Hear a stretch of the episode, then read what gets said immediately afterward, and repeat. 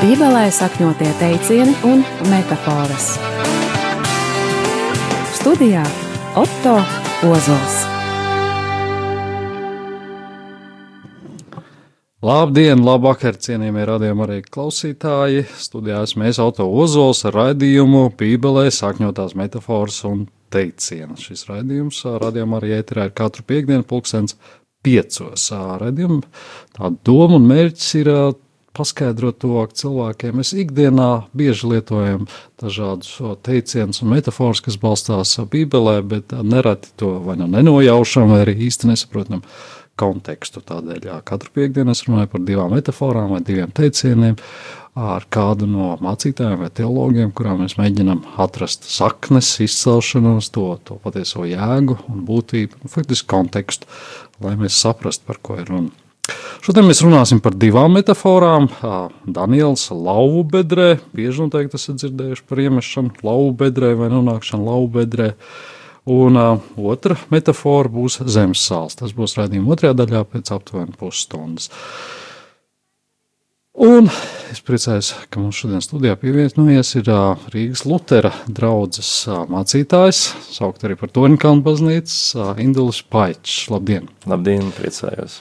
Es nosaucu visus titulus. Vai? Es domāju, visus svarīgākos arī nosauci, jo patiesībā es esmu jā, mācītājs šajā draudzē. Protams, vēl bez tā darbojos arī citās vietās, kur lasu kādas lekcijas. Esmu krietnu laiku pasniedzis Lutera akadēmijā. Šobrīd darbojos vēl citos projektos, bet pamatā jā, esmu mācītājs šajā baznīcā. Jā.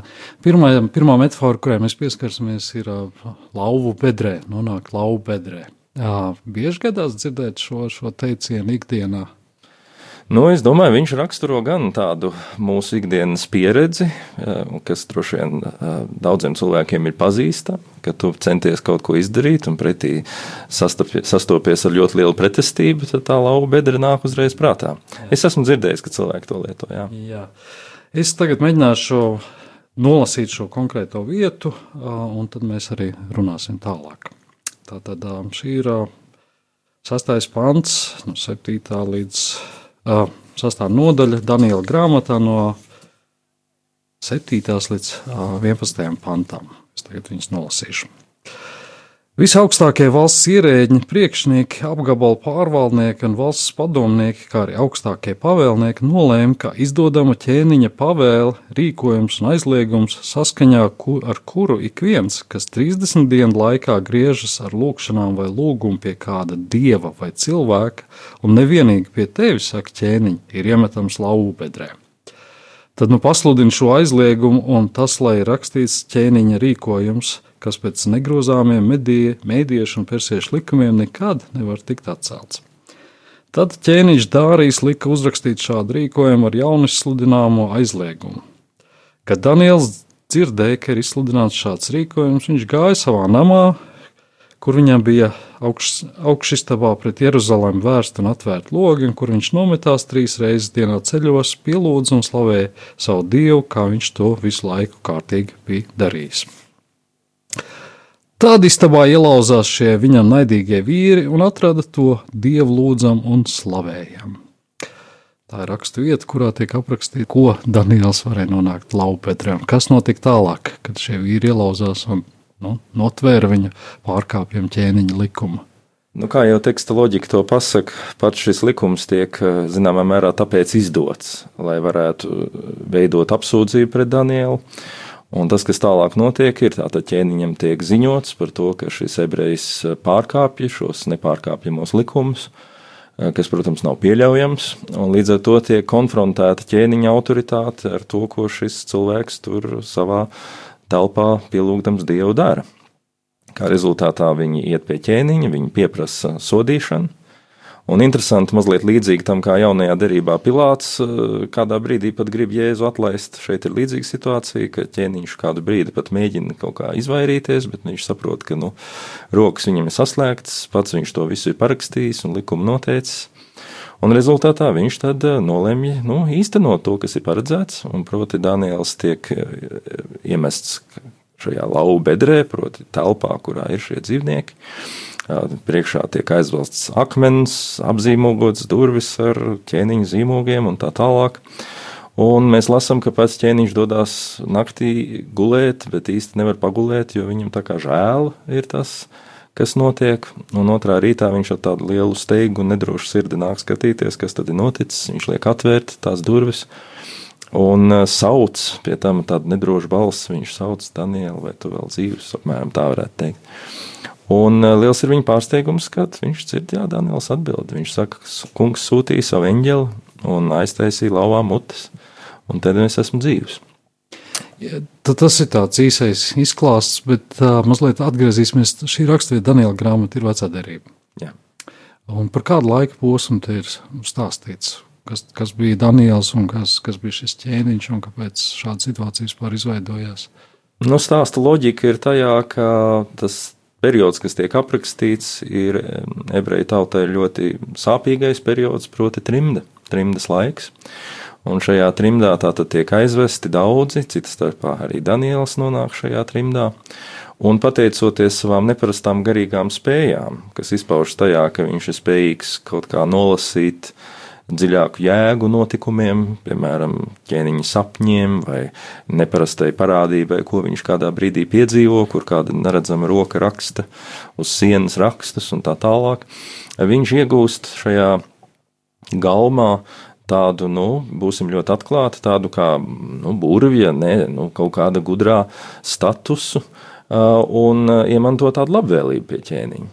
Un īstenībā šie stāsti tātad vēstīja par laikmetu, kurā ebreji dzīvoja ļoti lielu apspiešanu, un pavisam noteikti nedrīkstēja, patiešām nedrīkstēja praktizēt savas tautas ticību vai tradīcijas, vai vismaz to varēja darīt tikai slepeni. Un es domāju, ka šo stāstu vēstījums, galvenais vēstījums ir tas, ka, ja tu paliec uzticīgs tam, kam tu tici, un īstajam Bībeles dievam, tad attiecīgi tu piedzīvo, ka viņš arī brīnumainā kārtā tevi izglābi. Tā kā tas ir stāsts par trimdas laiku, un par to, kā cilvēki, neskatoties uz dažādiem ārējiem apdraudējumiem, nodevībām vai vienkārši cilvēku nevēlēšanos citus pieņemt un saprast, viņi tomēr paliek pie tās savas ticības. Un tā izrādās pareiza, uzvaroša, ja tā drīkst teikt, stratēģija. Jā, man tāds mazliet bērnišķīgi interesi vienmēr ir tas laika posms, nu, kad es saku lauzu bedrē, man gribas saprast, cik veciems ir, kur mēs šodien un tagad lietojam. Nu, protams, atkal stāsts ne par to, kā mēs vispār saprotam Bībeles tekstu izcelsmi un zinātnē ir savs viedoklis un varbūt kādam ticīgam cilvēkam atkal gribētos to redzēt mazliet savādāk. Bet, nu, protams, mūsdienu pētnieki sacītu, ka Daniela grāmata tagadējā formā, kāda viņa mums ir pieejama, ir kāds otrais gadsimts pirms Kristus, kad viņi ir izveidoti līdz galam, bet viņi sastāv no divām daļām.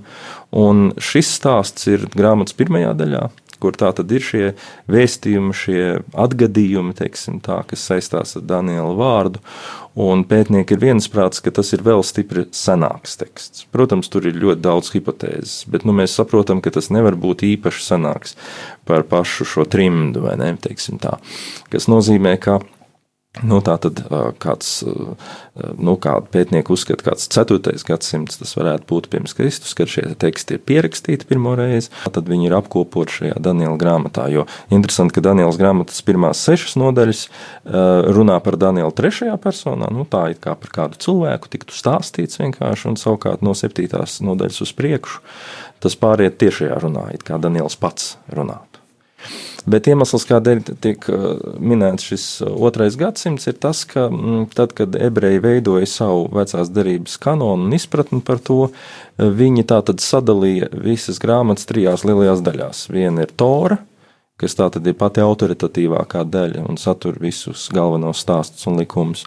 Otra daļa bija pravieši, Un trešā daļa saucamie raksti, un kas ir ļoti interesanti, tad jūdu kanonā Daniela grāmata nav pie praviešu grāmatām bet ir pie šiem rakstiem. Un uh, atkal, lūk, pētnieks saka, tas nozīmē, ka tad, tad tas galīgais brīdis, kad šī grāmata parādās, varētu būt šis otrais gadsimts. Cik sens ir pats izteiko, izteiciens vai pati metāfora par to, ka Dievs tevi izglābi no bezcerīgas situācijas, nu par to, protams, mēs varam hipotēzes izvirzīt dažādas. Ja, bet es, es mēģināju saprast, tā, kā tas lauvs vienkārši atteicās viņa ēst, vai kas, kas tur Teksts mums to nepasaka. Jā. Teksts mums to nepasaka. Mums paliek, paliek pateikts tikai tas, ka, ka, ko pats Daniels vēstīja. Proti, ka viņš saka, ka Dievs sūtīja eņģeli un tas aizdarīja muti šiem plēsoņām. Jā. Un savukārt interesanti, ka stāsta turpinājumā Dārijas to izmanto, respektīvi ķēniņš to izmanto kā tādu, kā tādu iespēju tagad mainīt to situāciju, un viņš liek tajā bedrē iemest tieši tos, kas savukārt Danielu ir apsūdzējuši. Un rezultāts ir tāds, ka kamēr viņi vēl tur vispār nonāk, mēs lasām, ka zvēri metās virsū un, un lauza viņiem visus kauliņus. Ja, nu, tā, kā, tā ir bijusi tāda, atcīm redzot, tā ir bijusi tā laika pasaulē pazīstama situācija, kur tā bija vienlaikus tāda kā izklaide, vienlaikus tāda kā nu, sodīšana bez tā, ka tu kādu nogalini. Tā ir tāda interesanta lieta, nu, ka, teiksim, tev nav vajadzīgs nosacīt bende. Tev nav nepieciešams kāds cilvēks, kas otru nogalina, bet tu vari to izdarīt tādā netiešā formā, netiešā veidā. Mm, jā. Es ceru, ka šo praksi nepārņems mūsdienās valsts, kurās mēģina šo, šo bausli apiet dažādos veidos. Jā, jā mēs nevilši pieskārāmies arī kādam citam teicienam, par kur būs jārunā citā raidījumā. Kas citām bedrok, tas pats tajā krīt. Bija... Nu, šeit tas piepildās simtprocentīgi. Bet, ja mēs tā skatāmies simboliski, kāpēc mums par šo vietu vajadzētu domāt un, un, un kāda ir, es atvainojos par klišē, bet stāsta morāli. Nu, es domāju, atkal dažādi varētu to griezt un virzīt. Pirmkārt, jau, protams, stāsts par uzticēšanos dievam, par to, ka uzticēšanās atmaksājas, par to, ka Dievs ir spējīgs savus mīļos aizstāvēt, un tos, kas viņam ir uzticīgi, tiem viņš ir uzticams. Bet es domāju, ka tādā ikdienas valodā, es nezinu, kāds, kāda ir jūsu sajūta, bet man liekas, ka šis stāsts par lauvu bedri tiek bieži vien pārnes ļoti simboliskā veidā uz savstarpējām cilvēku attiecībām, cilvēku situācijām, kur mēs nonākam, piemēram, kādā sapulcē, kur cilvēki ir gatavi mūs saplosīt gabalos, un tad mēs sakam, nu mēs kā kā Daniels Lau bedrē esam nonākuši, kur apkārt ir cilvēki, kuri ir gatavi mūs kaut kādā veidā iznīcināt, vai ar vārdiem, vai, vai ar emocijām, vai kā savādāk. Tā kā es domāju, ka stāsts, ko, ko vispār šis teksts nozīmē, ir divas lietas. Pirmkārt, tam spējīgi nonākt situācijās, kur mūs apdraud, un es vēlreiz teikšu, ne tikai plēsīgi zvēri, bet dažkārt arī cilvēku skarbi viedokļi. Un morāli ir tajā, ka šādās situācijās ir vērts pastāvēt par to, kam tu esi ticējis. Plus vēl tam uh, ir stāsts par Danielu, kurš neskatoties uz šo ķēniņa likumu, viņu pārkāpj tādā gadījumā, kad viņš uzskata, ka viņam, kā vēlāk apstuļu darbu grāmato, grāmatā, viens no apstuļiem sacīs, ka dievam jāklausa vairāk nekā cilvēkam. Arī viens tāds teiciens. Un šai gadījumā tas nozīmē, ka ķēniņš ir izdevis pavēli, kur aizliedz tev ticēt, aizliedz tev pielūgt tā, kā tavs sirds un tava ticība to prasa. Un ka tajā brīdī tev tas tomēr ir jāpārkāpj un jābūt gatavam nostāties pat tad, ja tas tevi apdraud. Tas nenonāk zināmā pretrunā, kur arī citās Bībeles vietās ir diezgan skaidrs teikts, tev ir jāklausa pastāvošai varai, jāseko valdnieku gribai, un kad nonāk šī dilēma, tad tas ir Jā, nu tā ir jāsaka, man godīgi. Tā ir Bībelē, tās ir tādas divas paralēlas plūsmas. Gan vecajā darbā, gan arī jaunajā darbā. Jā, mums ir apakstuļu Pāvila teiciens, ka ik viena vara ir no dieva, viņa nes zobenu, tev jāpakļaujas viņai. Un, ja tu viņai pakļausies un labu darīsi, tad viņa dievu kalpo. Un pat ja viņa ir ne, neleģitīma, ja tā drīkst teikt, vai kaut ko nedara pareizi, tev tomēr ir viņai jāpakļaujas. Nu, tā tad mēs varētu secināt, ka viena vara ir no dieva. Savukārt, piemēram, ja mēs lasām vēl vienu citu apakaliptisku tekstu, tātad Daniela grāmata tiek tehniski saukt par apakalipsi, jo viņi runā par tādām mistiskām nākotnes lietām. Otra apakalipse ir jaunajā derībā Jāņa atklāsmes grāmata. Un tur, piemēram, ļoti skaidri tiek ķēniņa vāra, mums impērijas vāra asociēta ar pūķa darbību. Ja? Nu, tā tad varētu sacīt, nu, tas ir kaut kas reāli sātanisks, reāli ļauns. Ja? Un es domāju, ka te ir tas stāsts, ka tajā brīdī, kad ir runa par varu, kurai mēs vienkārši negribam pakļauties, tāpēc, ka mums nepatīk kaut kādas lietas un kārtība, tā ir viena lieta, un mums jāatceras, ka bez kārtības mēs nevaram iztikt. Bet tajos brīžos, kur šī vara sāk jaukties iekšā mūsu ticības jautājumos, tur parādās šis cīņas moments, ka tomēr tomēr tev ir kādi principi, kas ir svarīgāki par tavu fizisko labklājību. Tā tad, ja, ja vienam ticīgam cilvēkam viņš nonāk šīs dilemmas priekšā, laicīgais valdnieks vai ticība dievam, tad, tad šī raksturvieta viņam skaidri sniedz atbildi. Nu, šī raksturvieta viņa katrā ziņā ļoti iedrošina un saka, ka ir vērts paļauties un uzticēties, pat tad, ja tava, tava apziņa tev tas viss beigsies ļoti slikti, jo Daniels ļoti skaidri zina šos likumus un šos noteikumus. Viņš gan neprovocē ķēniņu, viņš pielūdz to savā istabā, kā tur ir skaisti sacīts, ne jau vēl te viņi nāk un speciāli ielaužās. Tas nozīmē arī ļoti interesantu lietu, ja, ka viņš nav cilvēks, kurš speciāli kaut kā mēģina ķēniņa varu publiski pazemot bet tai savā privātajā telpā viņš grib saglabāt šo uzticību. Un stāsta morāla, kā jūs teicāt, ir, ka tas atmaksājas vēlreiz atkārtošu. Ka īstenībā tajā brīdī, kad tu stingri un ar visu savu esību nostājies par kaut ko, tad bieži vien arī tie lauvas, kas ir tev apkārt, neko daudz nevar izdarīt. Jā, šajā situācijā es, mēs daudz sabiedrībā bieži atceramies, ir vairāki. Viņi sev neļauj saukt par disidentiem, bet viņi saka, ka viņi ir brīvības cīnītāji, ja disidenti ir oponenti. Esošai vārtē tie, kas cilvēki, kas aicina cīnīties par savu zemes brīvību, bet es ar šo domāju divus ļoti ticīgus cilvēkus, Lidija Roņina Lasmani un, un Jānu Roškalnu. Un viņi abi atzīst, ka viņi abi sēdēja cietumos, tika vajāti no ateistiskā uh, režīma, un, un abi izdzīvoja. Nu, tik, uh, spēja pārdzīvot. Un, un, nu, Lidija Droņina Lasma šobrīd mums kalpo kā tāds gaišs piemērs, kā, kā ticībā var, var izturēt. Es domāju, ka, ka šajā situācijā arī tas ir bijis tā kā glābiņš vai, vai iespēja vai spēka avots.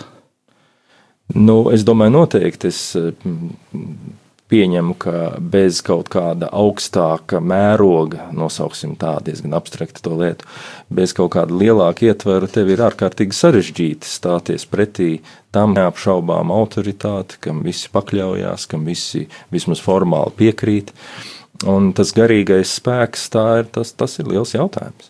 Un es domāju, mēs varētu šiem minētajiem cilvēkiem, un droši vien vēl kādiem citiem, tiešām pajautāt, vai viņu dzīvēs arī nav bijis mazliet līdzīgi. Proti, ka tajā brīdī, kad tu neagresīvi vēlreiz uzsvēršu, tā tad nemēģinot vienkārši kaut kā, nu, nezinu, ar spēku, ar varu, ar, ar kaut kādu sprādzienu, vienkārši kaut ko sagraut, bet ar ļoti konsekventu nostāju, nostājoties, ka iespējams arī viņi būs piedzīvojuši, ka dažkārt pārsteidzošā kārtā, teiksim, tie varanie lauvas paliek tādi diezgan nevarīgi. Ja?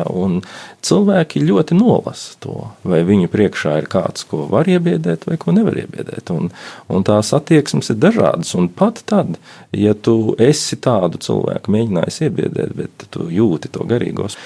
Tur ir tādas paradoxālas situācijas, ka veidojas tāda saudabīga cieņa arī pret to, ko varbūt tu tur tiešām tajā cietumā esi iemetis.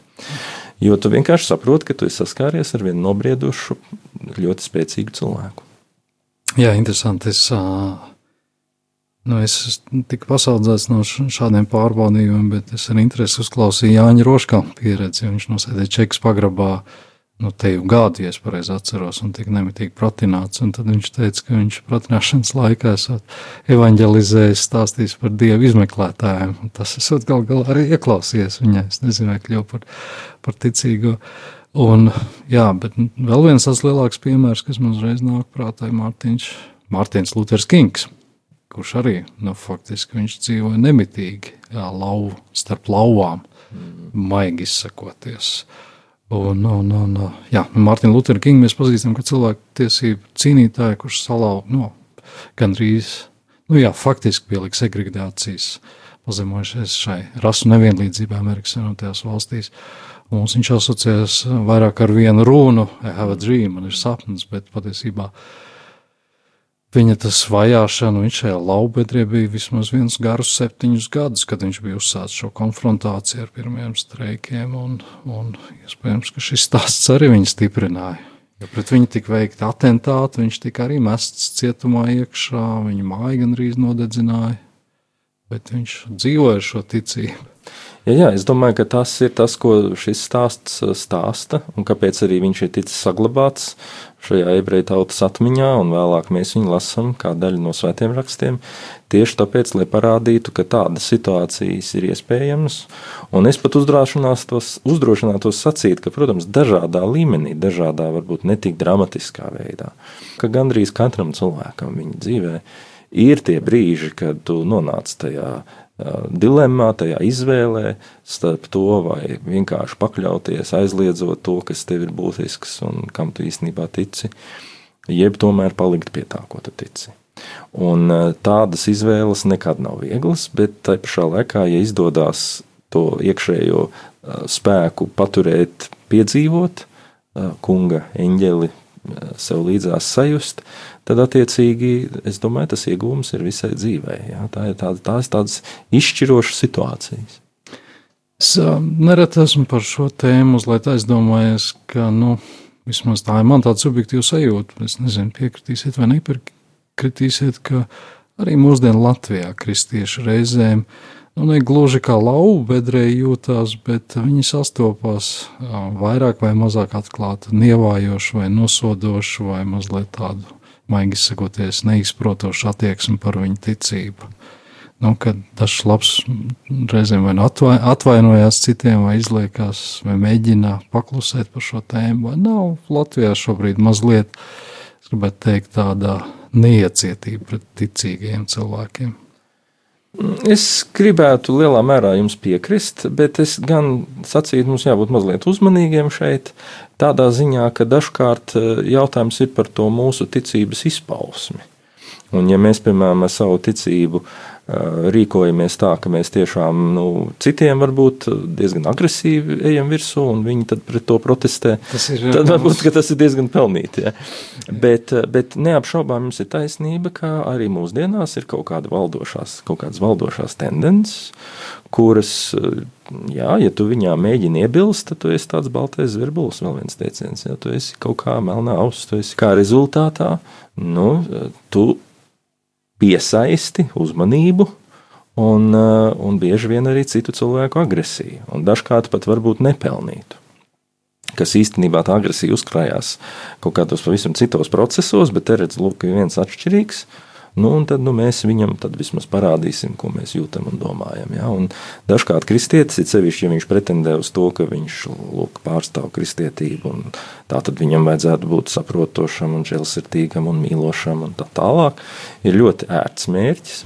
Jo tiklīdz viņš mēģinātu kaut kā aizstāvēties, tad varētu teikt, nu, kas tad tu pa kristieti, ka tu šādi rīkojies. Tev taču vajadzētu mums visiem piedot un mūs saprast. Jā, šis teiciens gan nav no Bībeles, bet es Tā ir, ir teiciens, lai dejo tango vajadzīgi divi. Un, jā, nu es varētu piekrist, ka tas ir tas, ko mans mācītājs nereti atgādina draudzē ar bībeli nevajag sist otram pa galvu. Tā kā, nu, jā, izprovocējot, bet, jā, bet šī, šī, mēs runājam par vārdu brīvību, par preses brīvību, par sapulģu brīvību, bet nereti tiek aizmirsts arī šīs jā, ticības brīvības princips, kurā, nu, līdzīgi kā mēs iepriekšējās brīvības cienām, tad arī šo vajadzētu cienīt. Tagad parādās arī nākamais izaicinājums, kas nu, man kā kristietim ir izaicinājums. Nu, ja mēs cienām cilvēku ticību un pārliecību, bet, tas, bet to nevajadzētu piemērot arī uz citu nekristīgām ticībām, piemēram, uz musulmaņiem. Nu, jā, es domāju, ka principā jau tas mūsdienu valsts modelis, kuram arī mēs piedaram, eh, tieši to arī paredz, ka valsts varai, piemēram, nevajadzētu pārāk jaukties iekšā mūsu privātajos uzskatos, viedokļos, veidojam un kam mēs ticam. Un es domāju, ka tā ir diemžēl ar lielām asinīm un lielām ciešanām Eiropas vēsturē tāda izcīnīta atziņa un patiesība, ka, ka tas droši vien ir tas vislabākais veids, kā mēs varam kopā sadzīvot, ka mēs saprotam valsts rūpējas par viņas lietām, bet savukārt tās garīgās lietas mēs atstājam tās pašas baznīcas vai, vai cilvēka ziņā. Un es jums piekrītu, ka vienmēr jau liekas tā, ka tad, kad manas tiesības tiek pārkāptas, es to ļoti skaidri jūtu. Tad, kad es varbūt kāda cita tiesības pārkāpju, tad man ir grūtāk. Un te mums būtu jābūt godīgiem, es domāju, arī kā kristiešiem, un, un jāsaka, ka arī šis stāsts par Danielu tieši tā, viņš ir pagriežams arī no otras puses. Proti, ja tu redzi, ka kāds Nevis publiski, nevis tev liek kādu citu dievu pielūgt, bet viņš savā istabā tur kaut ko pielūdz, vai tev vajadzētu tur lausties iekšā un mēģināt viņu iznīcināt. Jā, tas ir ļoti labs jautājums. Jā, nosūdzēt valdniekam. Jā, un, un, jā, un, jā. Jo, ka tik ne šī rakstvieta nepasaka, ka, nu, ka dienas beigās tu pats var atrasties šajā bedrē. Lūk, lūk. jā. Jā, jā man, man tiešām es biju palabrīnājis, ka viņi uzceļ šādas, šādas atziņas, kuras varbūt pats lasot. Varbūt reizēm tu neaizdomāsies, bet šādā sarunā mēs nonākam pie interesantām atziņu dzirkstiem. Tāpēc jau tie ir svēti teksti, kas tiešām cauri gadsimtiņiem ir cilvēks uzrunājuši. Un es domāju, tā ir viņu dievišķības nu, pazīme, ja tā drīkst teikt, ka, ka viņi runā katrā laikmetā ar kaut kādām niansēm, uh, jo viņi atklāja to cilvēciskās un dievišķās realitātes nu, tādu schēmu, ja tā drīkst teikt. Viņi ir vienmēr no jauna atkārtojas. Un, un, starp citu, tā vispār ir laba Bībeles lasīšanas metode, ka tu mēģini iejusties ne tikai tajā galvenajā varonī, kas varbūt ir tāds simpātisks, bet ka tu pamēģini paskatīties, ka varbūt tu esi līdzīgs arī tiem citiem kādās situācijās. Un tas bieži vien tiem tekstiem piešķir ļoti daudz slāņus, ļoti interesants nianses. Jā, no pazemiem ir viens no likumiem, kas, par ko tiek runāts. Jā, nu, ātrs paskrēja laiks. Mums ir pienācis mirklis nelielai atalpai, muzikālai pauzē, pēc kuras mēs atgriezīsimies un runāsim par kādu citu metaforu, arī bieži dzirdētu zemes sāls. Tiekamies pēc muzikālas pauzes.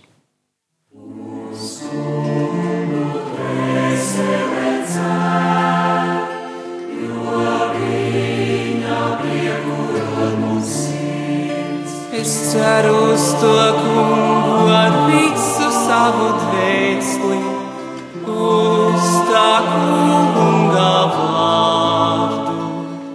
Uz kungu dvēseli cer, jo viņa piekurot mums sirds. Es paļaujos uz uzticību tavu, mans Dievs,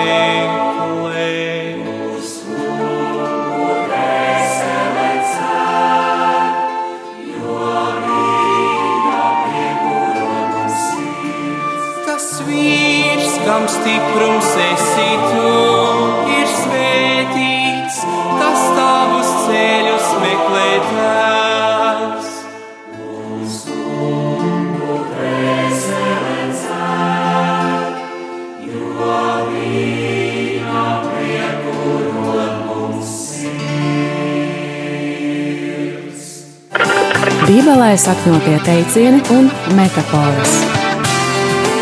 Studijā Otto Ozols.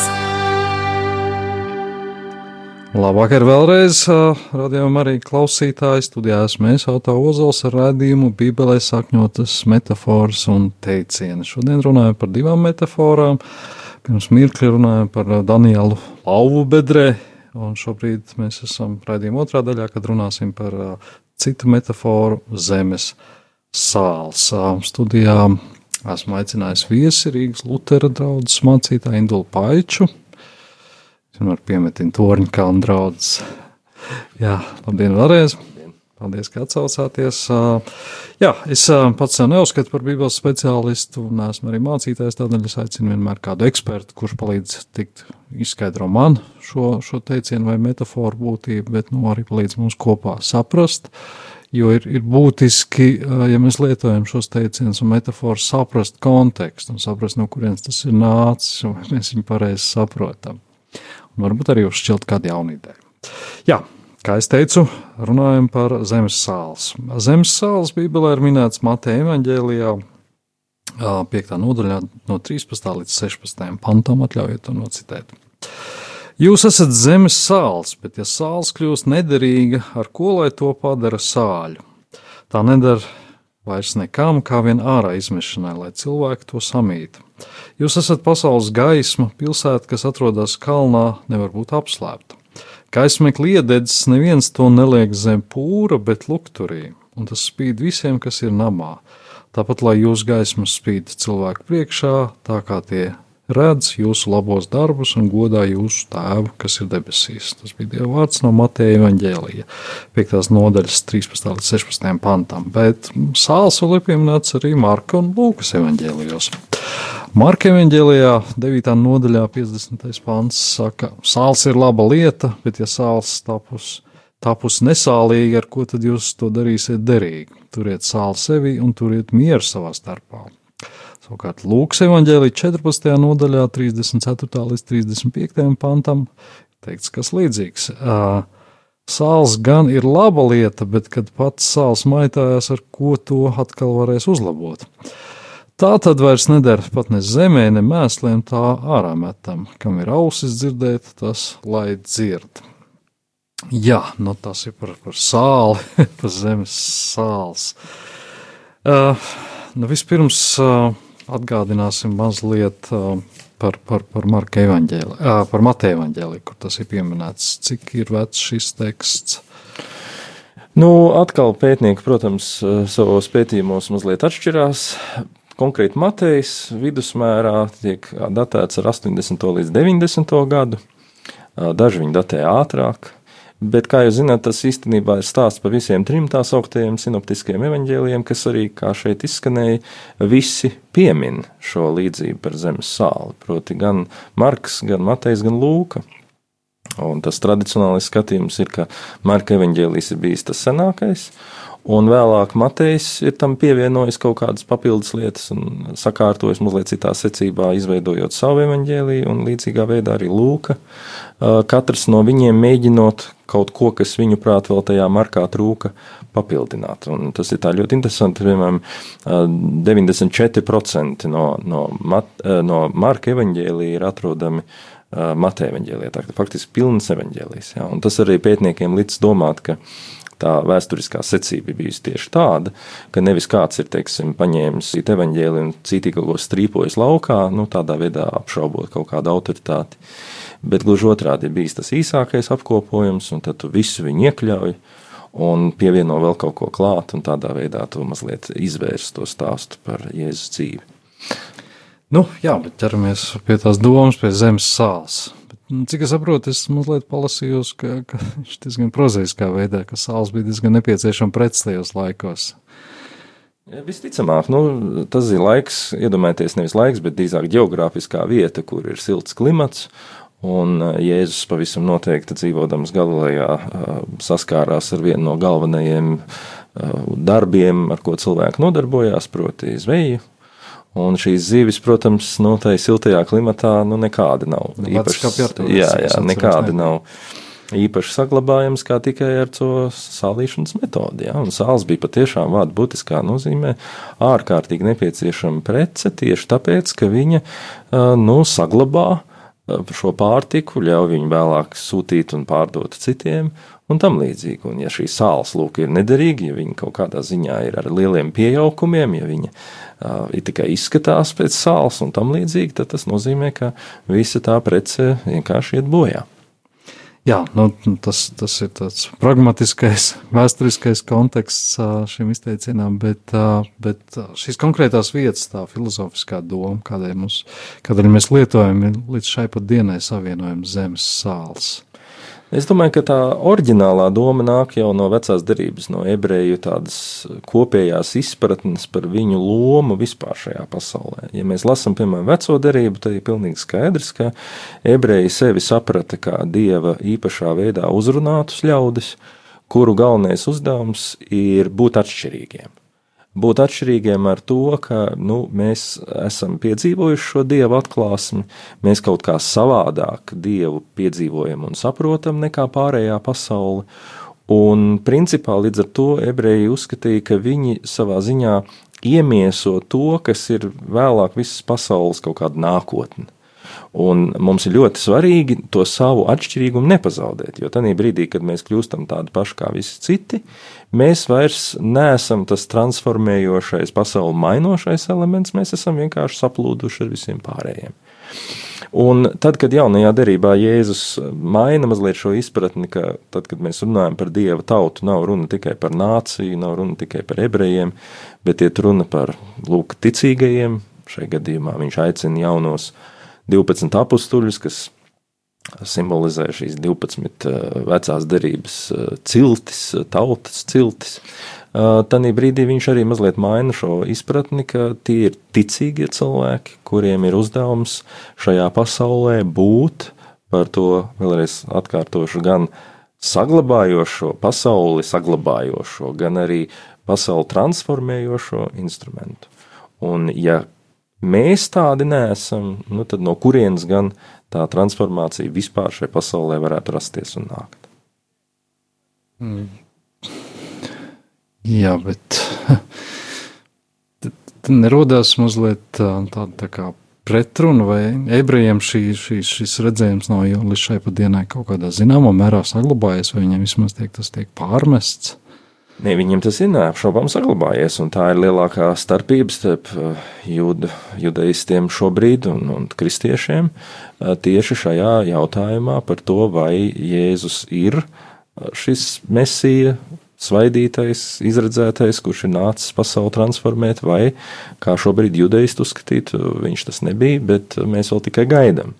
Bet tā izjūta par to, ka mēs esam izredzētā tauta, kuras uzdevums ir būt par priekšzīmi. Vai kā Jēzus jūsu citētajā fragmentā saka, ka mēs esam kā pilsēta kalnā, ko visi redz un uz ko visi tiecās un skatās. Eh, um, šī sajūta, protams, ir gan vieniem, gan otriem, es teiktu tā. Ja, bet, ja, ja es, nu, es definēju, ka es pēc savas pārliecības esmu kristietis, tad man ir kaut kādas tiesības jā, sev pieskaitīt pie zemes sāls, vai sev uzlūkot, vai izprast, identificēties ar šo zemes sāli. Es domāju, ne tikai tiesības, bet uzdevums. Jo, ja es saku, jūs esat, jūs esat, un viņš uzrunā šajā gadījumā, interesanti, ja Mateja evaņģēlī mēs ņemam, viņš tātad to saka Kalnas prediķa kontekstā, kur pamatā klausītāji ir viņa mācekļi, bet ne tikai. Tā tad nu, cilvēki, ļaudis, tie paši uh, izrēlieši, kas tur apkārt dzīvo. Un viņš saka, jūs esat pasaules gaisma, jūs esat pilsēta kalnā, un tā ir jūsu atbildība. Un es domāju, ka taisnība otrādi nevis, tās man tiesības uzskatīt, bet īstenībā tas ir viens no maniem galvenajiem uzdevumiem kā kristietim, proti saprast, ka es esmu aicināts šajā ticībā, vai Dievs man ir devis šo privilēģiju, ka es esmu sācis ticēt. Uh, ar lielu uzdevumu. Tas ir ne tikai manas pestīšanas jautājums, no nu, tādā ziņā, lai es labi nodzīvotu dzīvi un man būtu kaut kāds turpinājums mūžībā, bet uh, tas, ka es esmu atradis Jēzu vai Jēzus ir atradis mani, ir vienlaikus arī uzdevums par to runāt, par to liecināt, jo Un atkal tā ir ļoti sena ebreju koncepcija, ka īstenībā pasaule turās uz tiem cilvēkiem, kas ir dievam uzticami. Ja?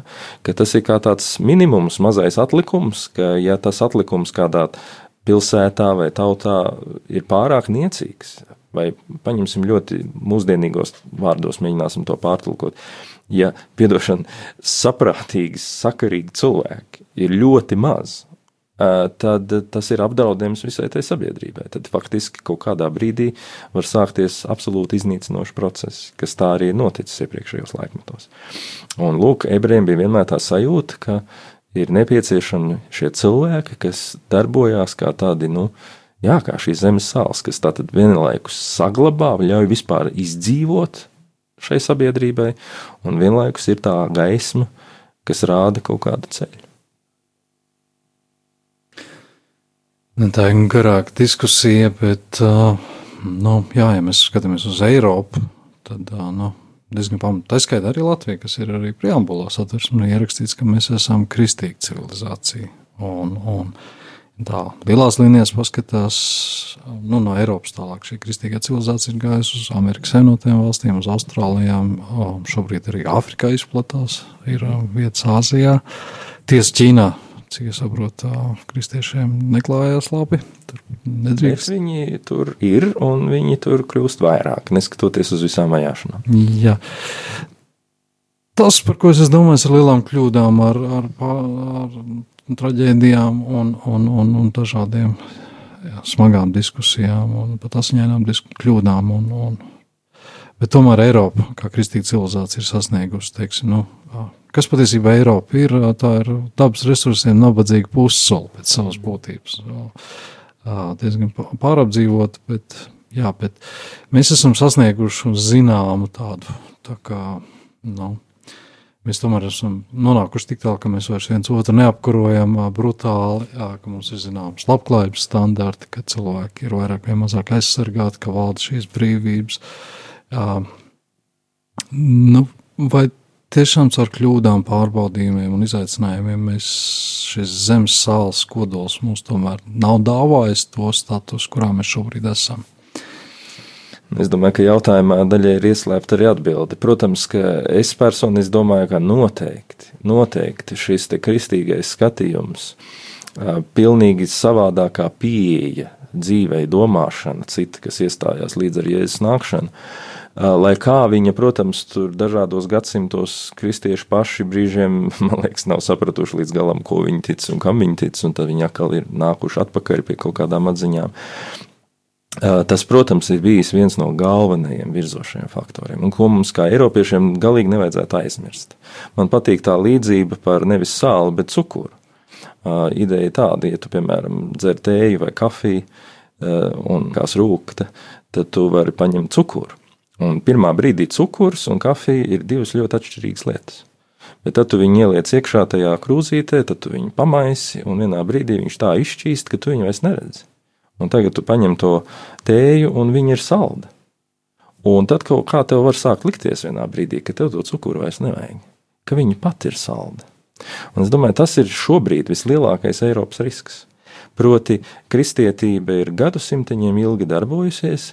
Es sacītu, līdzīgi šādam cukuram, viņa daudzajā ziņā ir izšķīdusi tajā sabiedrībā. Proti, daudzas lietas mums liekas pašsaprotamas. Nu, nezinu, cilvēks ir vērtīgs, un katram drīkst būt viedoklis, un katrs tur drīkst piedalīties pie lietām, un tā tālāk, un valsts ir tikai cilvēka kalpone, kas nav pašsaprotamas lietas. Un tajā brīdī, kad tajā tējas krūzē iegāžās tēja no, no, no, no cita trauciņa, kurš varbūt nav ar cukuru apveltīts, tad tu pēkšņi saproti, ka īstenībā tās tējas garša sāk lēnām garā mainīties. Un tomēr tev tas cukurs ir vajadzīgs. Es domāju, šeit ir stāsts par to, ka tikai un vienīgi ticība ir tā, kas īstenībā var tās svarīgākās Eiropas vērtības aizstāvēt. Viņas nekarājas gaisā. Tas, ka mēs vienkārši teiksim, ka vajag šīs vērtības, nenozīmē, ka viņas būs.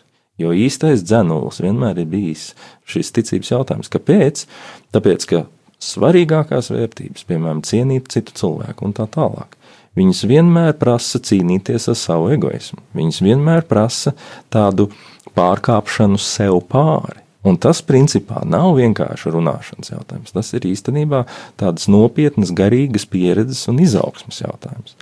Un tāpēc es prognozēju, ka, ja Eiropa neapzināsies šīs savas saknes, pie tam tādā dziļā šī vārda nozīmē, tad mūs gaida tāda nepatīkama attīstība ka vienā brīdī tas, kas likās pašsaprotami, un visi taču zina, kā jāattiecās pret lietām, un, un kas ir cilvēks, un, un cik viņš ir vērtīgs, ka tas vienā brīdī var tā vairs atkal nebūt.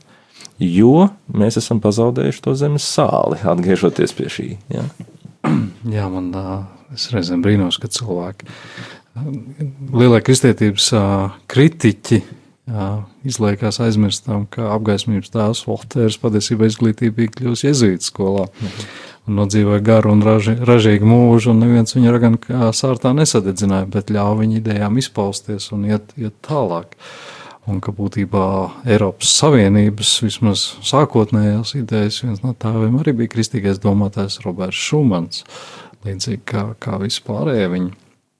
Un, un Jā, un tā vēl viena lieta, runājot par kristīgām vērtībām, par ko es reizēm aizdomājos, mēs zinām piekto bausli, to kaut. Un Eiropā viņš, Eiropas Savienība ir principāli pateikusi, ka nāves sots ir atceļams. Tajā pašā laikā Amerikas Savienotajās valstīs, kas arī sev dēvē par kristīgu sabiedrību, un ļoti daudzos štatos joprojām uh, nāves sots pastāv, tiek izpildīts, un faktiski viņi neievēro šo piekto bausli. Un tas, ko es redzu, tas ir pārsteidzoši, ka Amerikā vardarbības līmenis ir krietni, krietni augstāks nekā Eiropā, mm. kur uh, cietumos sēž trīs ap pusi, ja ne pat četras reizes vairāk cilvēku.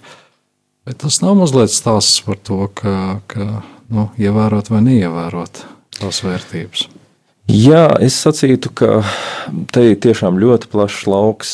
Saprast vienu lietu, ka, protams, tas nav tik vienkārši, ka mēs atcelsim nāves sodu un tam mums automātiski viss sakārtosies. Īstenībā stāsts ir dziļāks. Tas stāsts ir par to, ka mūsu izjūtai attiecībā par to, ka cilvēks ir auga. Un nāves soda atcelšana radās eh, pamatā zem vienas galvenās lielās domas, proti, ka manai cīņai ar ļaunumu ir jābūt mazāk brutālai nekā pašam ļaunumam. Jo pretējā gadījumā es eh, cīnodam, cīnīdamies ar ļaunumu, brutalitāti kopējo vairoju. Un no šādas perspektīvas tas bija tas lielais arguments, kādēļ īstenībā Eiropa, kā tāda sekulāra sabiedrība, bija gatava atteikties no šīs domas, sacīdama, ka pat ja tas cilvēks ir bijis nenormāli brutāls un atņēmis otru cilvēku dzīvību, mēs nedrīkstam būt tikpat brutāli. Mēs drīkstam viņu ierobežot, mums vajag to darīt, bet mēs nedrīkstam aizmirst, kas mēs esam.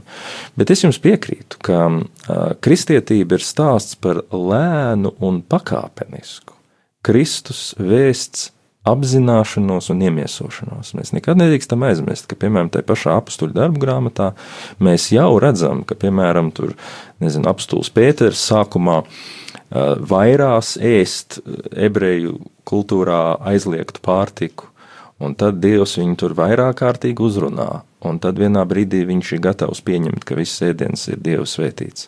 Vai, piemēram, apustulim Pāvilam, sākumā viņi grib aizliegt, sludināt tā, kā viņš to dara, un pieprasīt, lai visi ebreju likumi tiktu īstenot, un tikai vēlāk, sanākot pirmajam koncilam, kā viņu sauc, viņi vienojās, ka pie pagāniem viņi neprasīs lai viņi visus jūdu ceremonālos likumus pilda, jo faktiski Kristū ir tā galvenā atbilde, un līdz ar to tas ir pārspējis visu to vecās derības domāšanu. Ko es ar to gribu sacīt? Ir, kā Jēzus Jāņa Evanģelijā saka, tagad jūs vēl nevarat nest to, ko es gribu jums teikt. Tas nozīmē, ka kristietība tikai lēnām kaut kādas lietas sapratusi. Piemēram, verdzības atcelšana nemaz nebija tik viennozīmīga. Cilvēki teica, klau, bet Bībelē vergi ir pieminēti. Cita, ka viņi pieminēti, nenozīmē, ka, ka Bībele atbalsta to. Vai kā Pāvils saka, nav ne verga, ne brīvā, viss ir viens Kristu. Ja? Tieši tāpat arī šeit, nu, taču nāves sots ir pieminēts vecajā derībā un, un, un Bībelē. Bet kristieši sacīt, nu jā, bet redz, kā mēs Dieva dēlu piesitām krustā, pilnīgi pēc jūdu, jūdu likumiem un arī, teiksim, romiešu likumiem. Un tomēr mēs izdarījām milzīgu kļūdu. Līdz ar to mums būtu jāuzmanās, ka mēs neesam brutāli viens pret otru. Tā kā es sacītu, ka kristīgās vērtības, tas zemes sāls, ko mēs sevī nesam, tas ir tāds lēns un reizē nemitīgs process, kuram vispirms mums jāļauj pašiem savu dvēseli transformēt, un tad mēs varam transformēt pasauli. Jā, nepazaudēt to zemes sāls būtību pašiem sevī. Jā, nu, mūsu raidījums lēnām tuvojas izskaņai. Uh, Mēs pēc mirkļa atvadīsimies līdz nākamajai piekdienai, kad būs kāds cits studijas viesis. Nākamā piekdienā mēs runāsim par, nu, šoreiz par, par teicieniem. Nebūs metafors, un nākošais piekdienā, pulkstenis piecos, mēs runāsim par teicienu aci pret aci, zobu pret zobu. Ja sit pa labo vaigu, tad pagriez kreiso.